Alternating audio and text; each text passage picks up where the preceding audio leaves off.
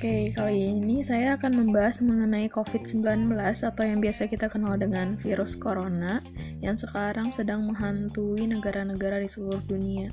Tentang sejarahnya pasti semua orang juga udah tahu ya, virus ini dari Wuhan, Cina, terus bagaimana perkembangannya mungkin semua orang sudah lihat di media sosial.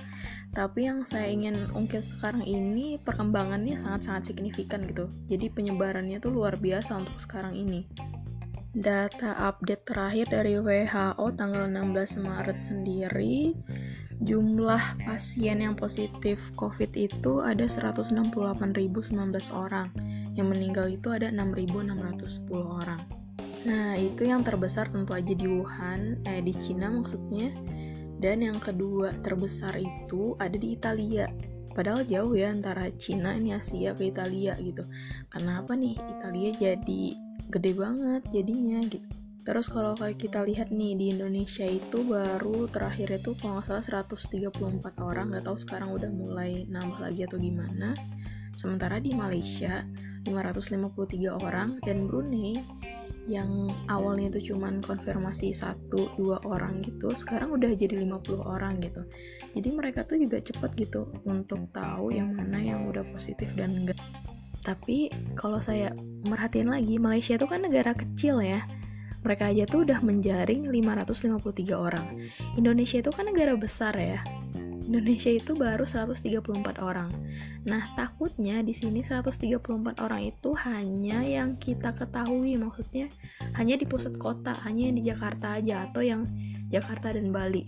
Tapi yang di uh, provinsi-provinsi uh, lain itu kita belum tahu nih sebenarnya ada berapa orang yang udah kena positif corona ini atau udah berapa orang yang di karantina atau suspeknya udah berapa gitu karena negara Indonesia itu negara yang besar coba. Jadi kayak aneh aja gitu masih baru ya sebenarnya kita bersyukur sih baru segini gitu kan. Tapi takutnya itu sebenarnya aslinya mah udah banyak tapi emang karena nggak terfilter aja sama pemerintah jadinya kita cuma tahunya sedikit ini gitu. Bukan menakut-nakuti atau gimana tapi kan kita perlu waspada juga ya gitu apalagi di kita itu kurangnya apa ya informasi mengenai ini orang yang kena itu di daerah mana. Jadi bukan maksudnya pengen tahu siapa orangnya gitu tapi lebih ke arah kan itu udah banyak nih 100 orang. Kalau dulu kan pasien awal-awal pasti orang-orang pada kepo langsung nih oh di Depok Depok daerah ini daerah itu gitu. Tapi kan kalau sekarang kan udah uh, banyak gitu pasiennya tentunya pemerintah kayak kasih tahu ke mereka itu melewati jalanan mana aja atau daerah mana aja atau apakah daerah itu udah disterilkan oleh pemerintah setelah itu atau cuma rumah mereka doang. Jadi kayak benar-benar ditelusuri gitu satu persatu kayak di Korea. Terus mereka ke mana aja mereka ke keramaian mana aja apakah mereka ke hmm, apa pusat perbelanjaan apa. Terus pada saat itu ada berapa orang pokoknya yang detail gitulah soalnya di Korea sendiri nih karena saya suka ngikutin perkembangan covid di Korea.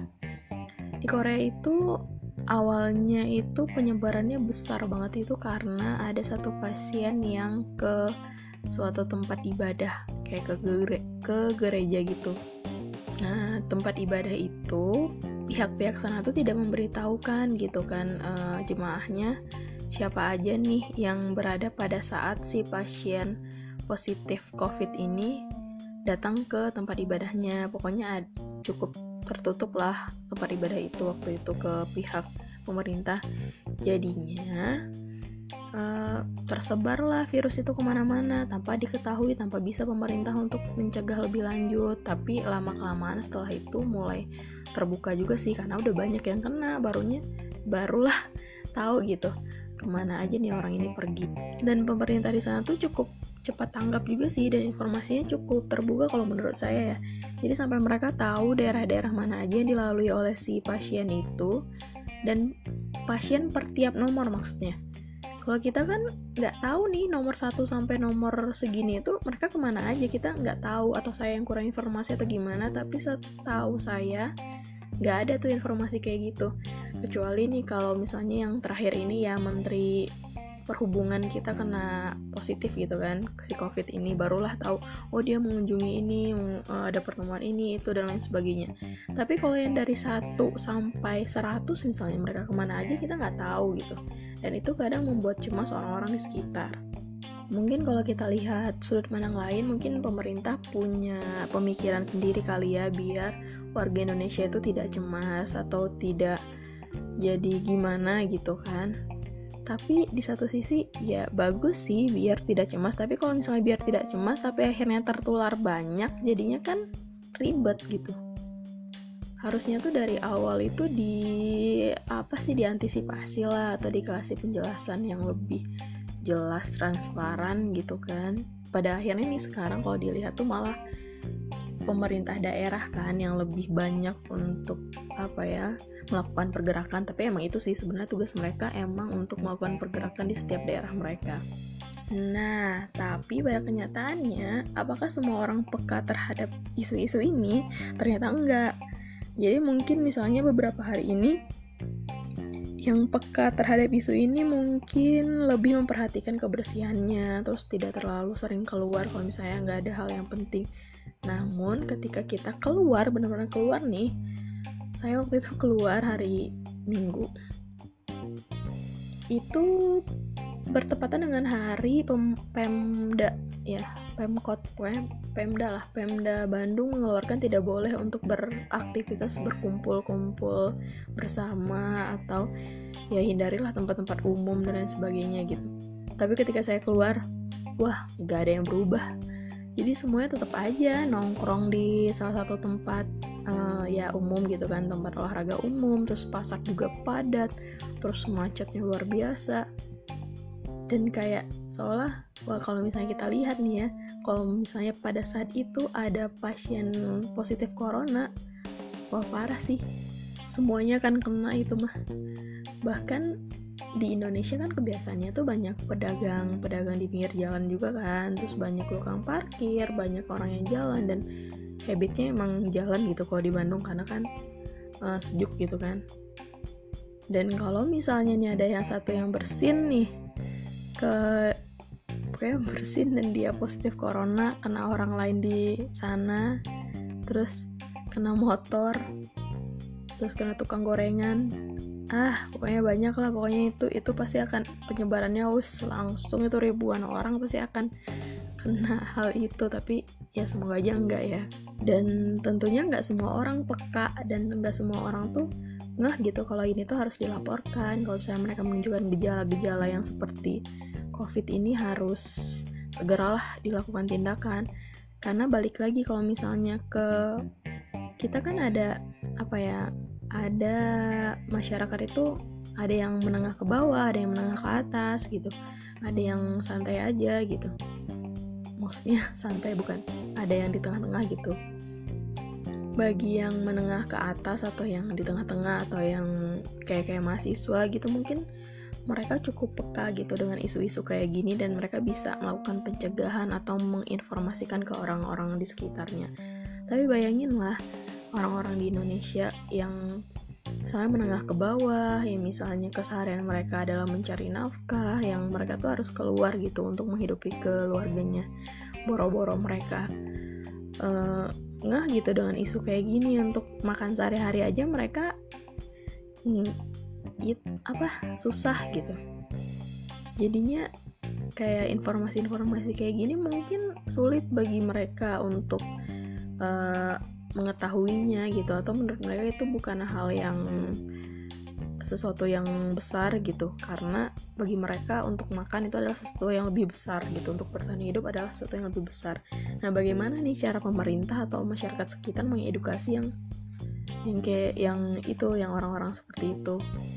Tapi kita harap sih kayak misalnya bapak-bapak dan ibu-ibu yang emang berada di jalanan yang emang kehidupan sosialnya di jalanan mencari nafkah kayak gitu ya nggak terpapar lah yang kayak kayak gini gitu.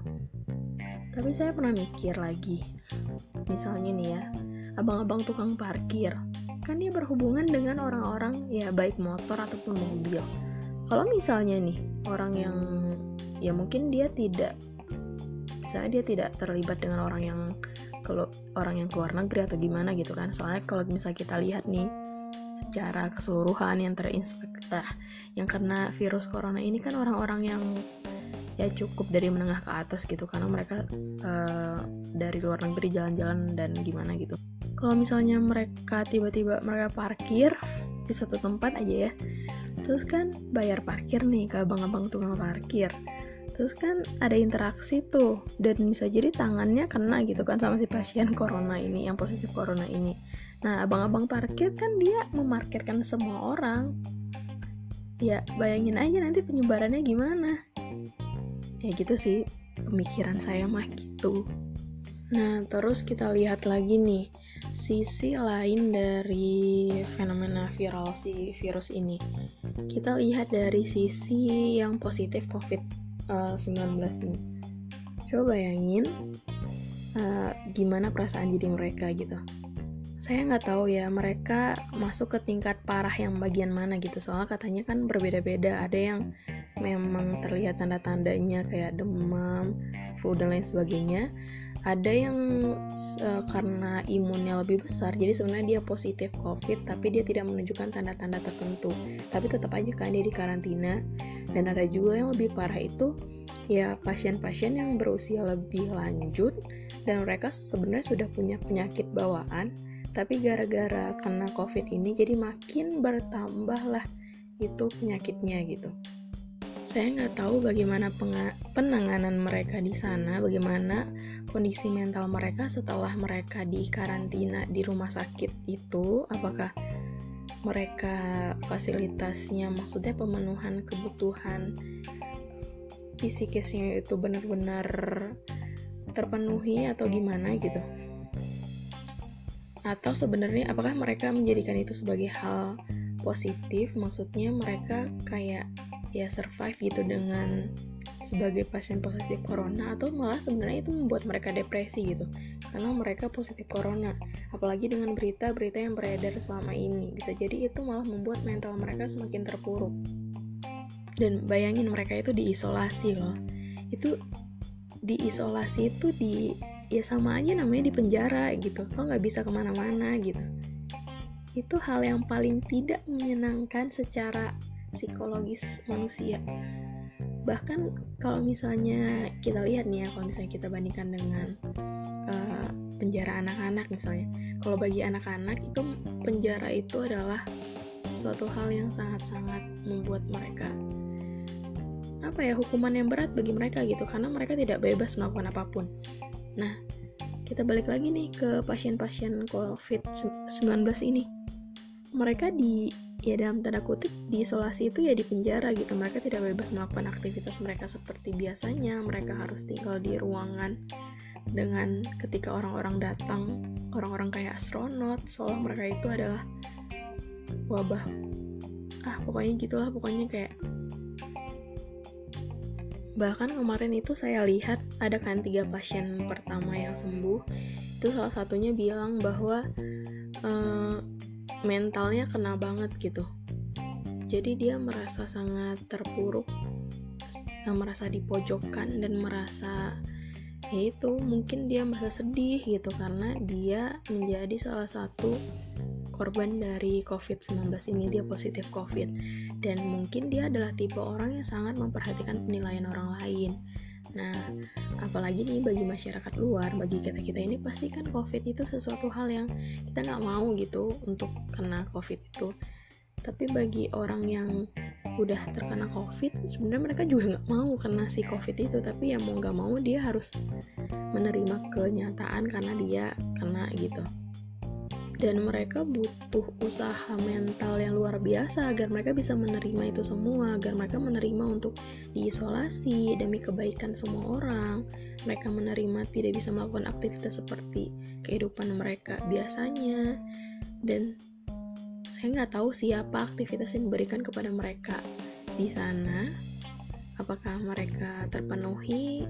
Uh, maksudnya apa ya unsur-unsur yang membuat mereka happy atau mereka di sana malah jadi diem makin stres makin ya gitulah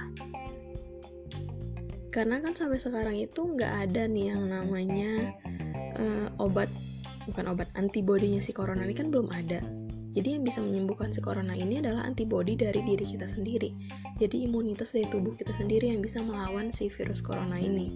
Nah, imun dari tubuh kita ini, antibodi yang ada dalam tubuh kita ini yang karena kuasa sang pencipta itu tuh sangat berkaitan dengan psikologis diri kita. Jadi ketika kita senang, ketika kita happy, ketika kita enjoy, imun kita juga akan semakin stabil gitu. Nah, semoga mereka di sana bisa menstabilkan emosi mereka dulu. Jadi mereka juga menerima dan mereka juga apa ya tidak ada kendala lain gitu secara psikisnya gitu karena perlakuan isolasi itu. Jadi pada akhirnya mereka bisa mengembalikan imunnya lebih baik dan akhirnya bisa uh, berhasil melawan si COVID-19 ini. Ya yang kita harapkan sih semoga si covid ini tidak menyebar ke mana-mana dan pasiennya tidak bertambah gitu orang ada orang yang pernah bilang kayak gini kenapa sih takut banget sama si covid? gitu ya. Kalau misalnya udah ditakdirkan mati ya mati aja gitu.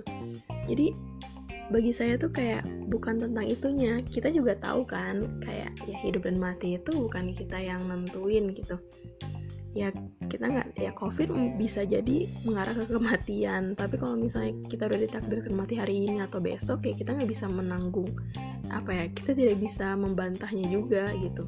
Kita pasti akan langsung mati kalau misalnya kita emang ditakdirkan mati pada saat itu oleh sang pencipta. Tapi daripada mikirin tentang matinya kalau saya lebih mikirin ke kayak ya kenapa kita harus menghindar dan kita harus melakukan pencegahan dari covid ini ya bi biar nggak penyebarannya nggak besar gitu. Dan apa ya secara duniawinya nih ya bukan tentang hidup dan mati ya covid itu kan bisa katanya kan presentasi kematiannya juga tidak banyak gitu. Tapi bayangin dong 14 hari diisolasi. Kalau saya pribadi ya saya mah saya mah nggak mau 14 hari nggak bisa ngapa-ngapain nggak bisa melakukan aktivitas yang kita mau. Walaupun sekarang kan kita disuruh di rumah aja lebih baik tapi itu itu ya kita bisa melakukan apa pun gitu. Itu kita nggak dipantau. Nggak seolah-olah orang seri orang spesial yang harus di apa ya dipantau gitu diawasi gerak geriknya dan lain sebagainya. Itu nggak enak banget menurut saya gitu. Menjadi pasien COVID-19 eh, itu menurut saya nggak enak. Bukan karena hidup dan matinya itu tapi lebih karena ya itu harus diisolasi. Kebebasan kita itu ya harus di ini diapain sih namanya? Ya kita nggak punya kebebasan aja gitu kan. Dan itu adalah hukuman mental yang menurut saya cukup berat gitu bagi orang-orang yang mungkin cukup aktif orang-orang yang menikmati hidup ketika dia hanya hidup di tempat yang ya pokoknya hanya satu tempat aja dan diawasin lagi nggak bisa ke mana-mana lagi ah itu mah udahlah nggak kebayang sama saya Oke, paling segitu dulu ya uh, pembicaraan tentang COVID-19 ini. Mungkin nanti kita akan bahas lagi kalau misalnya ada hal-hal menarik lainnya. Oke.